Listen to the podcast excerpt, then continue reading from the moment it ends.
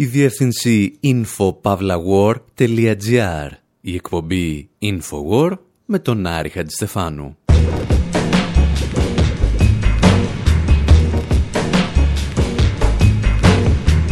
όπου σήμερα το γυρίζουμε στα βαρύγδουπα αποφθέγματα. Αυτό που ο Oliver Jones αποκαλεί το καραόκε των ιδεών.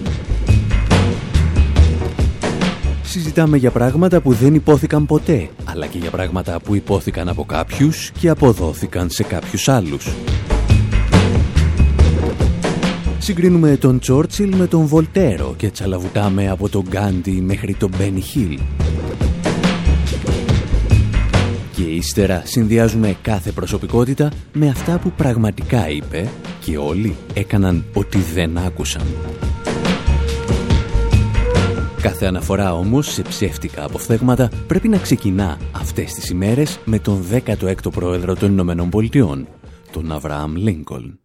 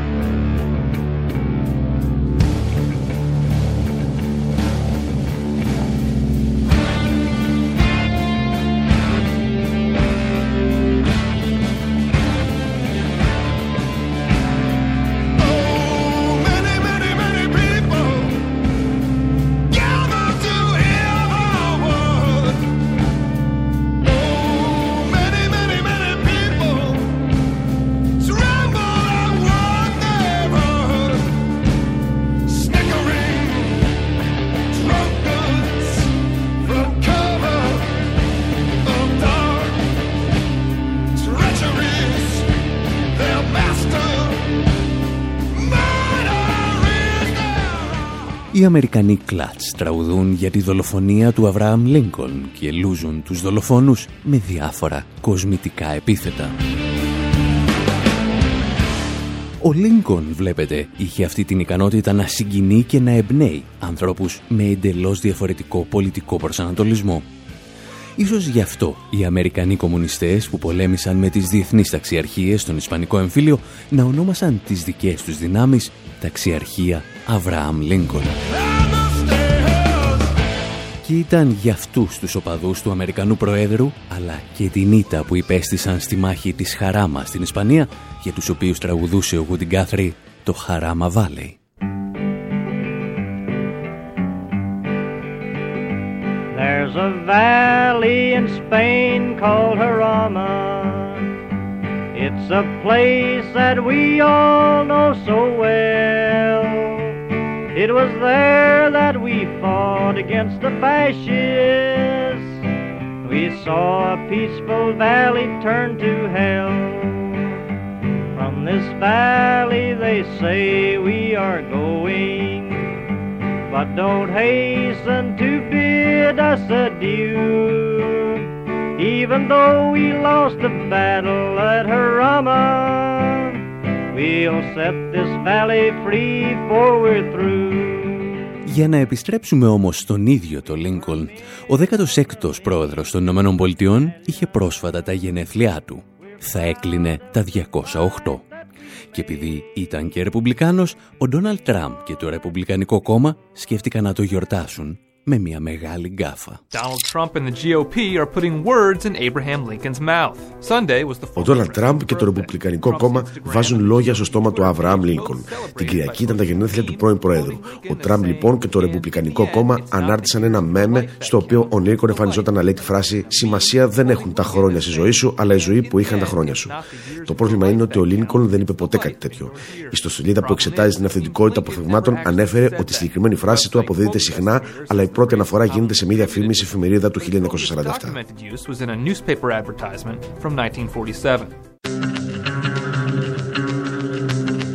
Όπως ήταν αναμενόμενο, το Twitter ξεσάλωσε με το λάθος του Τραμπ, όπως έκαναν και τα κυρίαρχα μέσα ενημέρωσης, που εντόπισαν άλλο ένα ψέμα στα λεγόμενα του νέου Αμερικανού Προέδρου.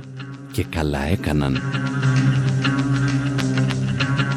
Αυτό που παρέλειψαν όμως να μας θυμίσουν ήταν ότι οι περισσότεροι ένικοι του Λευκού Οίκου τις τελευταίες δεκαετίες έχουν χρησιμοποιήσει ψεύτικα αποφθέγματα του Λίνκολ. Και ένα από τα παλαιότερα ηχητικά που βρήκαμε μας έρχεται από τον Ρόναλτ Ρίγκαν. Αυτές είναι οι αρχές που τόσο εύγλωτα παρουσίασε ο Αβραάμ Λίνκον. Όπως έλεγε, δεν μπορείς να ενισχύσεις τον αδύναμο αποδυναμώνοντα τον ισχυρό.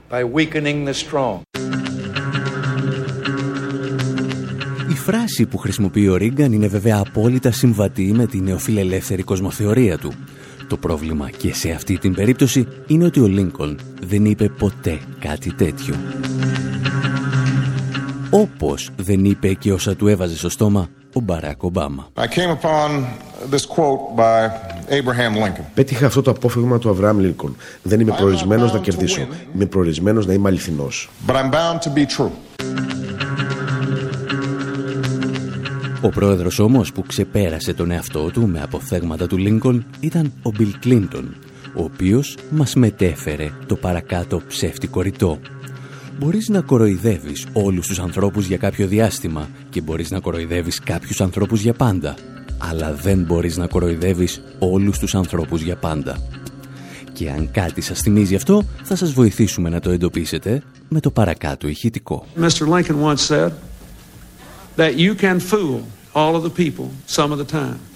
And you can fool some of the people all of the time, but you cannot fool all of the people all the time. You can fool some people sometimes, but you can't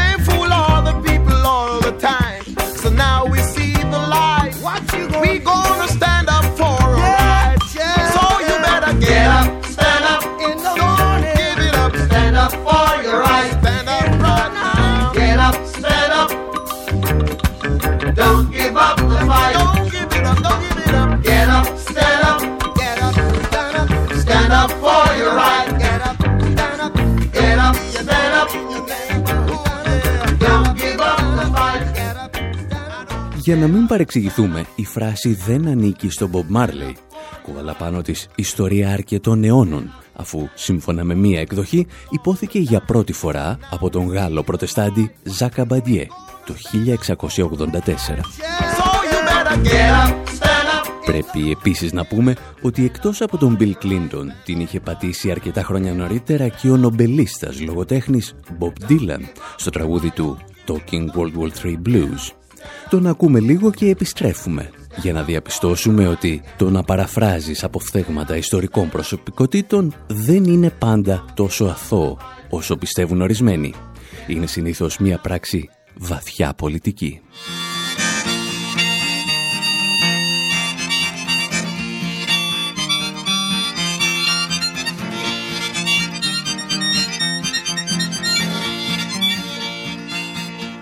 I was feeling kind of lonesome and blue and needed somebody to talk to.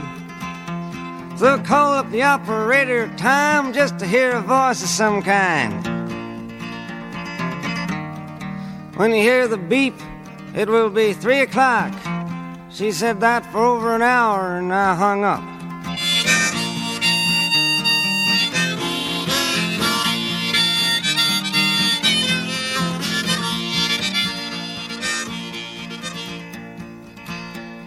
Doctor interrupted me just about then, saying, Hey, I've been having the same old dreams. But mine was a little different, you see. I dreamed the only person left after the war was me. I didn't see you around.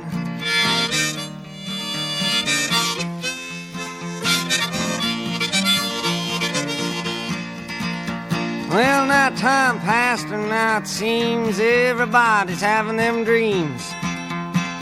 Everybody sees itself walking around with no one else. Half the people can be part right all of the time, and some of the people can be all right part of the time, but all the people can't be all right all of the time. I think Abraham Lincoln said that. I'll let you be in my dream if I can be in yours. Uh, I said that. Ο Bob Dylan, αν προσέχατε, παίρνει τη φράση που λανθασμένα αποδίδεται στο Λίνκον και της αλλάζει τα φώτα πριν την αποδώσει και αυτός στον 16ο πρόεδρο των Ηνωμένων Πολιτειών. Και το ερώτημα είναι, τι φάση και αυτή με τα παραποιημένα αποφθέγματα ιστορικών προσωπικότητων; Είναι προφανές ότι η χρήση αποφθεγμάτων αποτελεί ένα είδος προσφυγής στην αυθεντία. Αν το έχει πει κάποιος σπουδαίος, θα είναι και αυτό σπουδαίο. Και κατ' επέκταση θα είμαι και εγώ λίγο σπουδαίος που το αναπαράγω. Το αποτέλεσμα είναι ότι τα τελευταία χρόνια το ίντερνετ γέμισε με βαρύγδουπες δηλώσεις τις οποίες ο καθένας κολλάει πάνω σε ένα ηλιοβασίλεμα ή στη φάτσα μιας ιστορικής προσωπικότητας και νομίζει ότι είπε κάτι σοβαρό. Όπως υποστηρίζει όμως πρόσφατη μελέτη, οι άνθρωποι που συνήθως το κάνουν αυτό δεν είναι και τα λαμπρότερα μυαλά στην πιάτσα. All of us have friends on social media that love to post inspirational quotes. Όλοι έχουμε φίλους στα μέσα κοινωνικής δικτύωσης που τους αρέσει να αποστάρουν αποφθέγματα που σε εμπνέουν. Τι δείχνουν όμως αυτά για τους φίλους σας, σω σημαίνουν ότι δεν είναι και οι πιο έξυπνοι άνθρωποι στον πλανήτη. Αυτό προκύπτει από μια έρευνα που πραγματοποιήθηκε σε ψευτοσοβαρές αχλαμάρες, τις οποίες δημιουργούν δύο ιστοσελίδες. Η πρώτη λέγεται Γεννήτρια New Age Αχλαμάρας και λειτουργεί αναμειγνύοντας βαρύγδουπε λέξεις. Η δεύτερη αναμειγνύει τσιτάτα από τον πνευματικό συγγραφέα Ντιπάκ Τσόπρα, φτιάχνοντας προτάσεις χωρίς κανένα νόημα. Οι ερευνητές ζήτησαν από 280 φοιτητές να βαθμολογήσουν πόσο βαθιστόχαστοι θεωρούν ότι ήταν κάθε σαχλαμάρα σε μια κλίμακα από το 1 έως το 5. Οι ίδιοι φοιτητές υποβλήθηκαν σε τεστ ευφυία. Οι ερευνητές διαπίστωσαν ότι οι όχι και τόσο έξυπνοι άνθρωποι προτιμούν να αποστάρουν αποφθέγματα που σε εμπνέουν στα μέσα κοινωνικής δικτύωσης.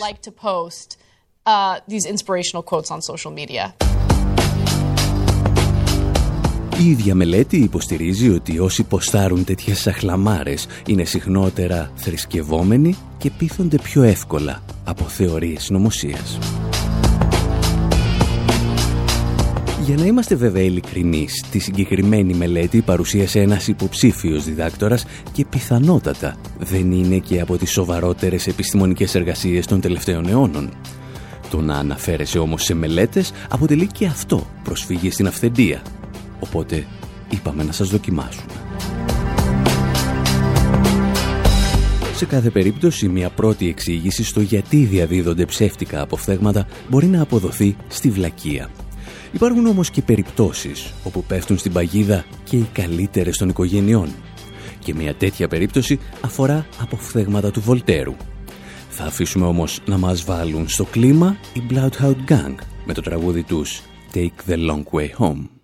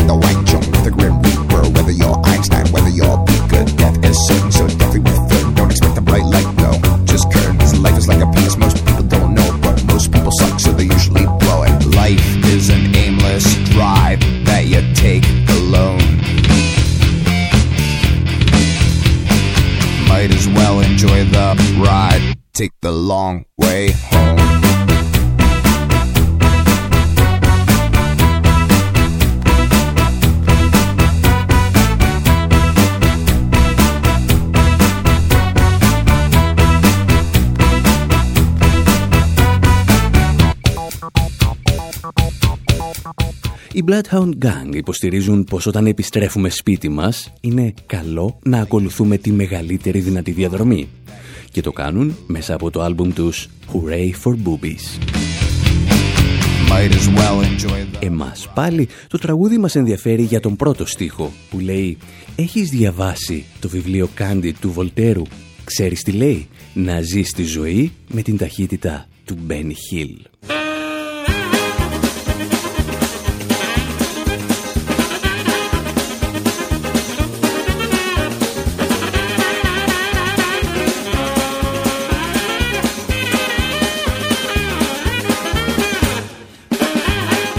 Σε περίπτωση που έχετε και την παραμικρή υποψία ότι ο Βολτέρος μπορεί πράγματι να είπε να ζεις τη ζωή σου με την ταχύτητα του Μπένι Χιλ, μάλλον ανήκετε στο δείγμα της προηγούμενης έρευνας. Το πραγματικό πρόβλημα όμως είναι ότι για δεκαετίες σχεδόν ολόκληρη η ανθρωπότητα πίστευε πως ο Βολτέρος είπε κάτι που δεν είχε σκεφτεί καν. Το περίφημο «διαφωνώ με αυτά που λες, αλλά θα υπερασπιστώ μέχρι θανάτου το δικαίωμά σου να το λες». Η φράση ανήκει στην βιογράφο του Βολτέρου Evelyn Beatrice Hall, η οποία την είχε συμπεριλάβει στο μνημειώδες έργο της «Η ζωή του Βολτέρου». Και έτσι η ανθρωπότητα θυμάται ένα από τα μεγαλύτερα πνεύματα του διαφωτισμού για κάτι που δεν είπε. Το οποίο βέβαια είναι καλύτερο από το να τον θυμόμαστε ως αυλοκόλακα της Μεγάλης Εκατερίνης. Την οποία Μεγάλη Εκατερίνη θυμούνται ορισμένοι από τη φράση «Όσα περισσότερα γνωρίζει ένας άνθρωπος, τόσο περισσότερο συγχωρεί».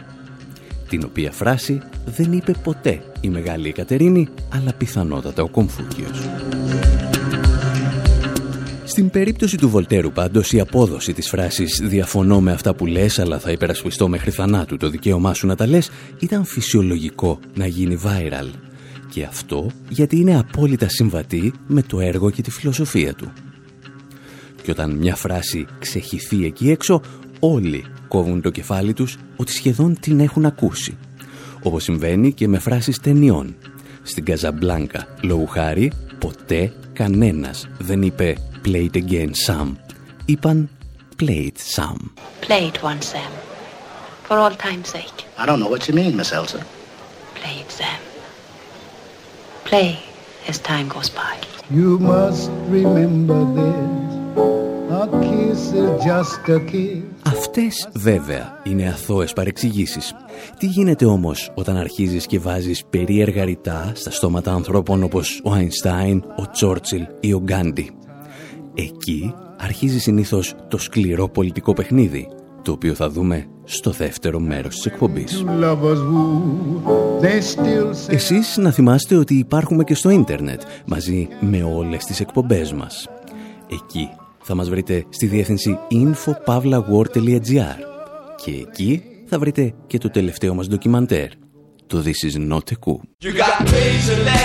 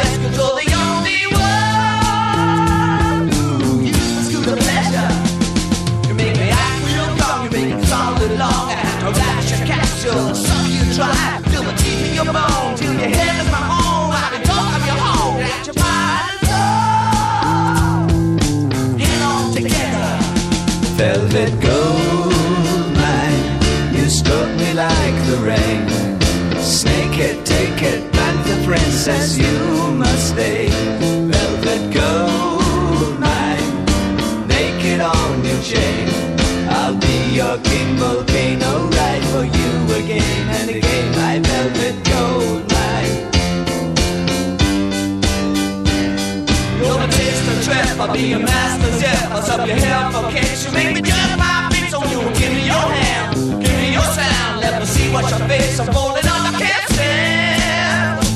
Ooh, clutch your makeup. Velvet gold mine, you me like the rain. Snake it, take it, panther princess, you must stay. Velvet gold naked on your chain. I'll be your king volcano,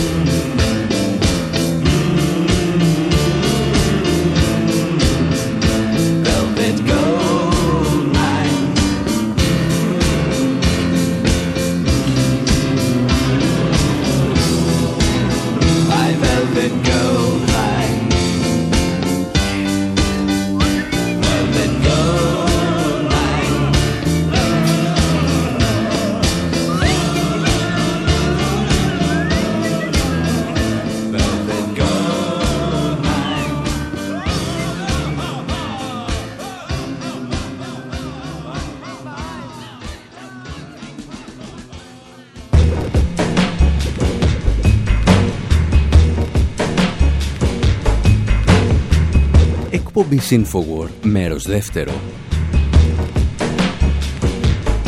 Όπου συζητάμε για αποφθέγματα που δεν υπόθηκαν ποτέ ή που αποδόθηκαν σε λάθος πρόσωπο. Μιλήσαμε για τον Αβραάμ Λίνκολν και τον Βολτέρο, τη Μεγάλη Κατερίνη, τον Μπομπ Μάρλεϊ και ορισμένους όχι και τόσο ευφύης ανθρώπους. Αυτά όμως ήταν τα πιο αθώα παραδείγματα, γιατί όπως εξηγούσαμε αυτή την εβδομάδα και στην εφημερίδα των συντακτών, πολλές φορές τα ψεύτικα αποφθέγματα κουβαλούν βαρύ πολιτικό φορτίο. Γι' αυτό ξεκινάμε το δεύτερο μέρος της εκπομπής, ίσως με τον μεγαλύτερο μάστορα αποφθεγμάτων που γνωρίσαμε τον τελευταίο αιώνα, τον Winston Churchill. Well, Mr. Churchill said, Mr. Churchill said, battle to the very end.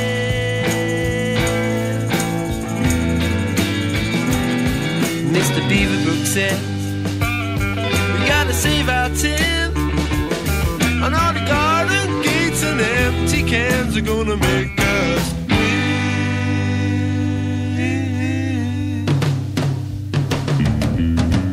We shall defend our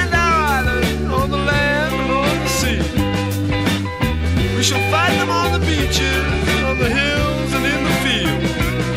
We shall fight them in the streets. Never in the field of human conflict, so much on to so few. Cause they have made our British Empire a better place for me and you. And this was their finest hour. But Miss Montgomery says. I miss my says.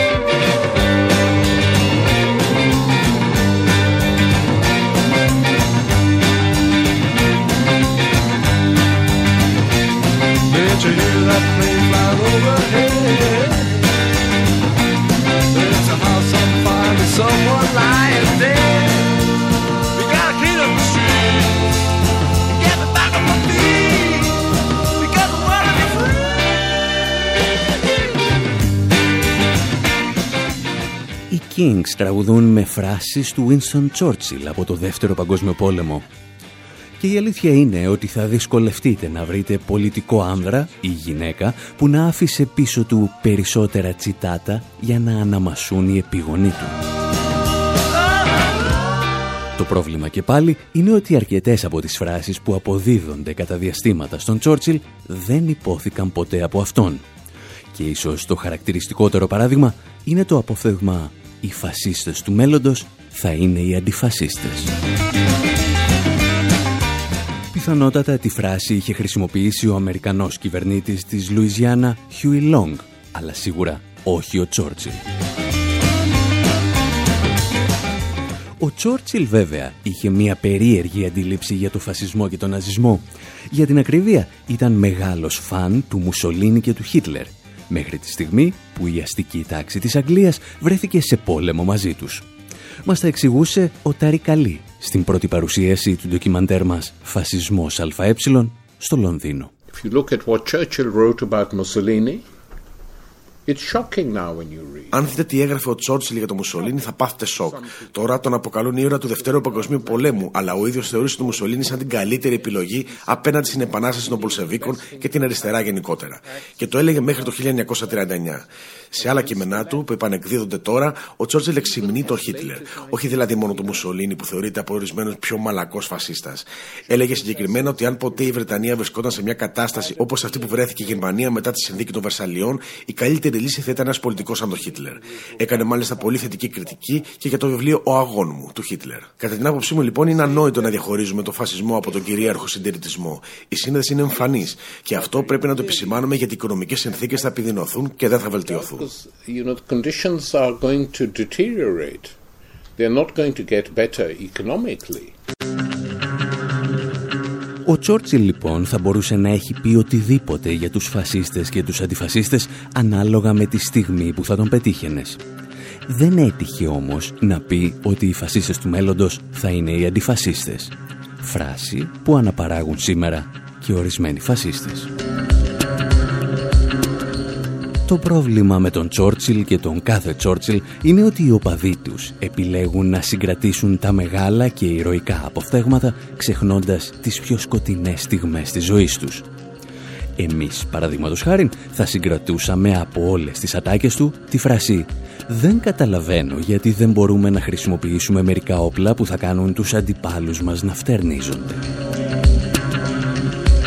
Τα όπλα στα οποία αναφερόταν ήταν τα χημικά όπλα που η Βρετανική Αυτοκρατορία χρησιμοποιούσε στις απικίες της, αλλά και εναντίον της Σοβιετικής Ένωσης το 1919, όταν οι δυτικές δυνάμεις επιχείρησαν να καταστήλουν τη Ρωσική Επανάσταση.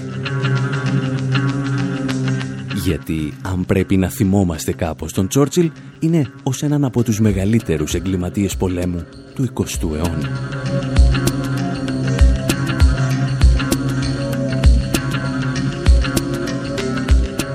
Ψεύτικα αποφθέγματα πάντως δεν αφορούν μόνο τους κακούς της ιστορίας. Πολύ συχνά μάλιστα αποδίδονται στους καλούς. Και αυτή είναι η περίπτωση του Μαχάτμα Γκάντι. Ακούμε το σχετικό ρεπορτάζ της Πάτη Σμιθ και επιστρέφουμε.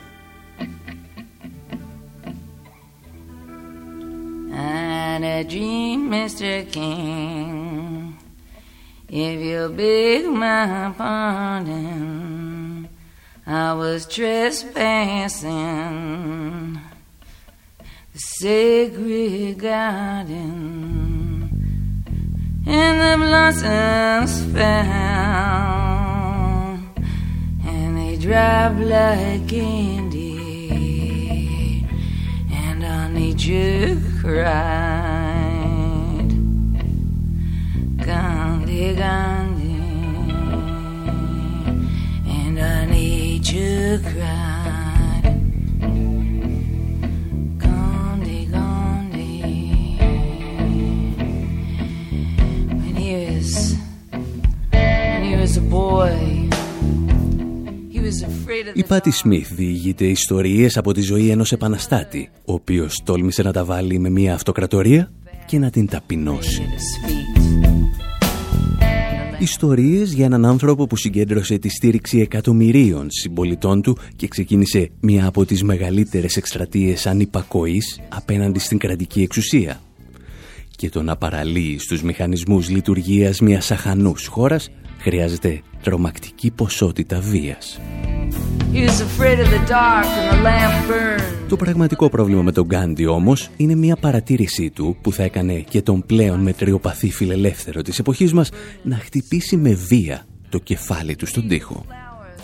Η μεγαλύτερη βία, έλεγε ο Γκάντι, είναι η φτώχεια. Flowers fell burning from the young. Ή μήπως δεν το έλεγε. Το συγκεκριμένο απόφθεγμα αποδίδεται στον Γκάντι από το Διεθνές Ινστιτούτο Ερευνών Ειρήνης, αλλά κανένας άλλος δεν φαίνεται να βρήκε την πηγή της φράσης. Σε κάθε περίπτωση το απόφθεγμα δεν έγινε viral γιατί δεν τέριαζε με την εικόνα που θέλει να αποδίδει στον Γκάντι η φιλελεύθερη δύση. Αντίθετα, ένα άλλο ψεύτικο απόφθεγμα κάνει εδώ και χρόνια το γύρο του κόσμου. Αυτό που λέει να είσαι η αλλαγή που θέλεις να δεις στον κόσμο. Όπως εξηγούσαν πριν από χρόνια οι New York Times, το συγκεκριμένο απόφθεγμα είναι πολύ ωραίο για να το κάνεις αυτοκόλλητο και να το βάλεις στο πίσω μέρος από ένα Nissan Prius. Εμείς θα συμπληρώναμε ότι μπορείς να το απαγγέλεις μαζί με ατάκες του Κοέλιο, ενώ βγάζεις φωτογραφίες στα δάχτυλα των ποδιών σου σε κάποια παραλία. Σε καμία περίπτωση όμως η φράση δεν υπόθηκε από τον Γκάντι. Όπως εξηγούσαν και οι New York Times, δεν θα μπορούσε να έχει πει κάτι τόσο απολύτικο που να σημαίνει ότι η προσωπική αλλαγή του ανθρώπου μπορεί να φέρει την αλλαγή στην κοινωνία. Γιατί ο Γκάντι πίστευε ότι η προσωπική αλλαγή πρέπει να συμβαδίζει με τον κοινωνικό μετασχηματισμό.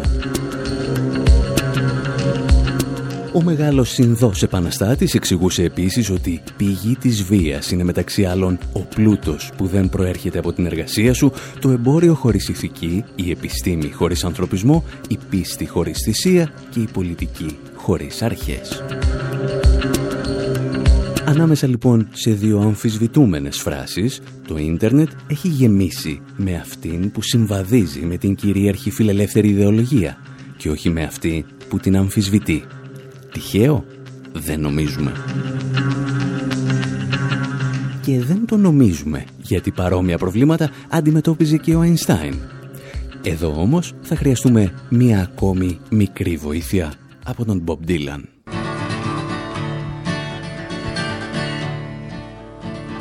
Einstein disguised as Robin Hood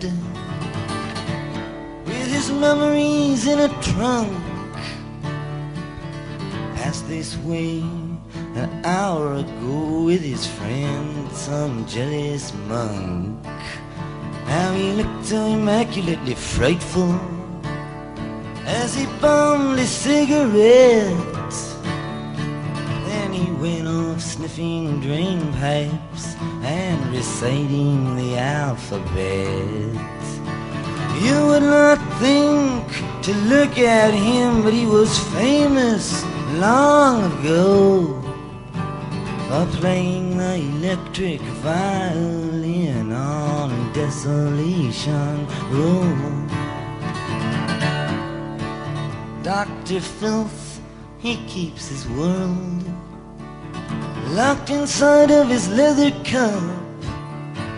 But all his sexless patients, they're trying to blow it up. His nurse, some local loser, she's in charge of the cyanide hole. She also keeps the cards that read, Have mercy on his soul. They all play on the penny whistle. You can hear them blow if you lean your head. Ο Μπομπ Ντίλαν τραγουδά για τον Αϊνστάιν, τον οποίο φαντάζεται εντυμένο ρομπέν των δασών στο τραγούδι του Desolation Row. Στην πραγματικότητα, ο Αϊνστάιν του Ντίλαν είναι μια σκιά του εαυτού του. Ένα σαλίτης που τριγυρίζει στους δρόμους προσπαθώντας να θυμηθεί, λέει, την αλφαβήτα.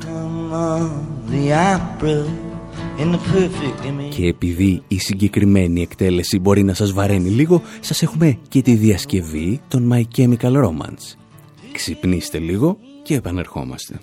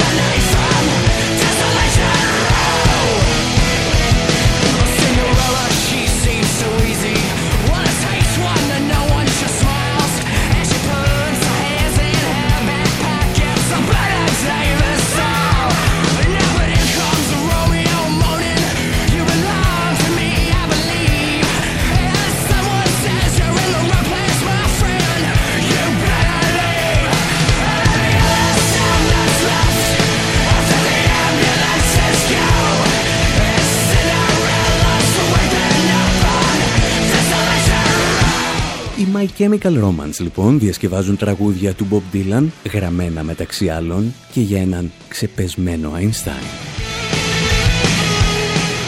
Ο Einstein βέβαια δεν ξέπεσε ποτέ σε αντίθεση με δεκάδες δημοσιογράφους και δημοσιολόγους που προσπάθησαν να τον φέρουν στα μέτρα της δικής τους νοημοσύνης. Δεν προσπάθησαν ποτέ λόγου χάρη να καταλάβουν τι εννοούσε με την έννοια της σχετικότητας. Πάντα προτιμούσαν να δίνουν στον όρο μια μεταφυσική χρειά, προκειμένου να αμφισβητήσουν την ικανότητα του ανθρώπου να αντιληφθεί την αντικειμενική πραγματικότητα. Και δεν σταμάτησαν εκεί, γιατί σύντομα άρχισαν να του αποδίδουν και αποφθέγματα που ο ίδιος δεν είπε ποτέ. Μεταξύ άλλων και την φράση «παράνοια» είναι να πραγματοποιείς την ίδια πράξη ξανά και ξανά και να αναμένεις διαφορετικά αποτελέσματα. Ο Einstein δεν είπε ποτέ κάτι τέτοιο, όπως φαίνεται. Επίσης δεν είπε ποτέ ότι το κακό είναι αυτό που συμβαίνει όταν ο άνθρωπος δεν έχει την παρουσία του Θεού στην καρδιά.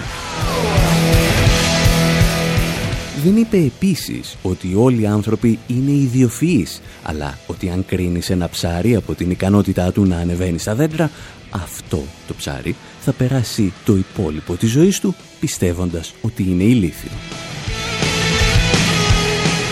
Κι όμως, εδώ και σχεδόν μία δεκαετία, κάποιοι του αποδίδουν και αυτή τη φράση. Και δεν είναι τα ψάρια.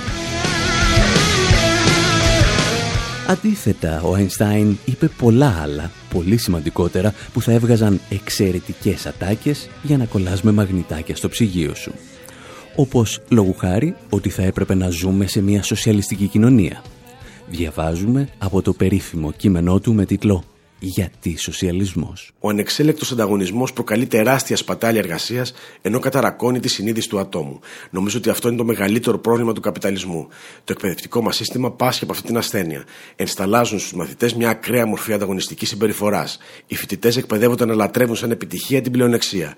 Έτσι προετοιμάζονται για την καριέρα τους. Είμαι πεπισμένος ότι ο μόνος τρόπος για να ξεπεράσουμε αυτή τη φαυλότητα είναι η δημιουργία μιας σοσιαλιστικής οικονομίας σε συνδυασμό με ένα εκπαιδευτικό σύστημα που θα εξυπηρετεί κοινωνικές ανάγκες.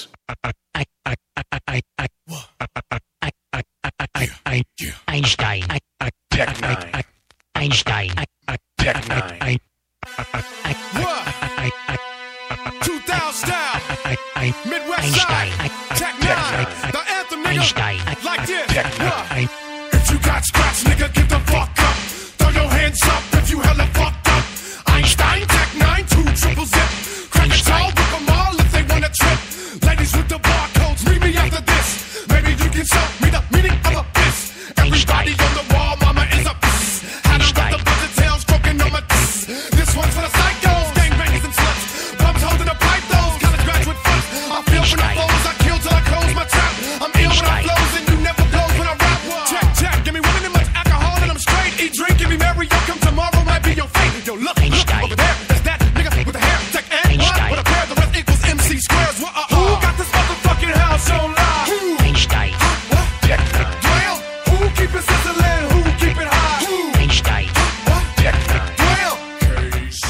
Ανύπαρκτες ατάκες του Αϊνστάιν και του Γκάντι λοιπόν γίνονται viral στα μέσα κοινωνικής δικτύωσης. Οι πραγματικά ριζοσπαστικές ιδέες τους όμως για κοινωνική αλλαγή εξαφανίζονται μυστηριωδώς. Για τους ίδιους λόγους, ο πλανήτης μαθαίνει να παπαγαλίζει το μετριοπαθές «I have a dream» του Μάρτιν Λούθερ Κινγκ. Κανείς δεν θυμάται όμως τις στιγμές που ο μαύρος επαναστάτης δεν μιλούσε πλέον μόνο για φιλετική, αλλά και για οικονομική δικαιοσύνη.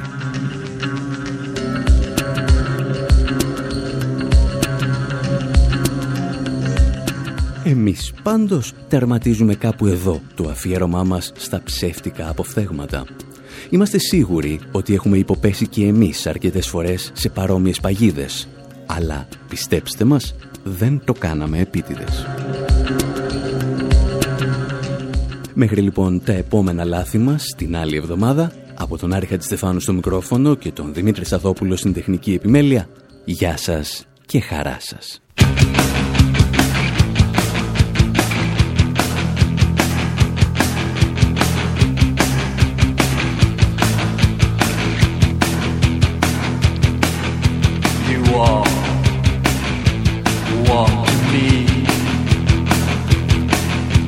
Your hips swinging like a chandelier, and your head drops to your knees. But your eyes, they got desire.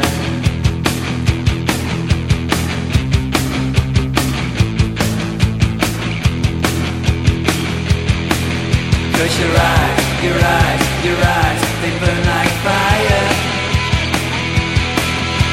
your eyes, your eyes, your eyes, they burn like fire.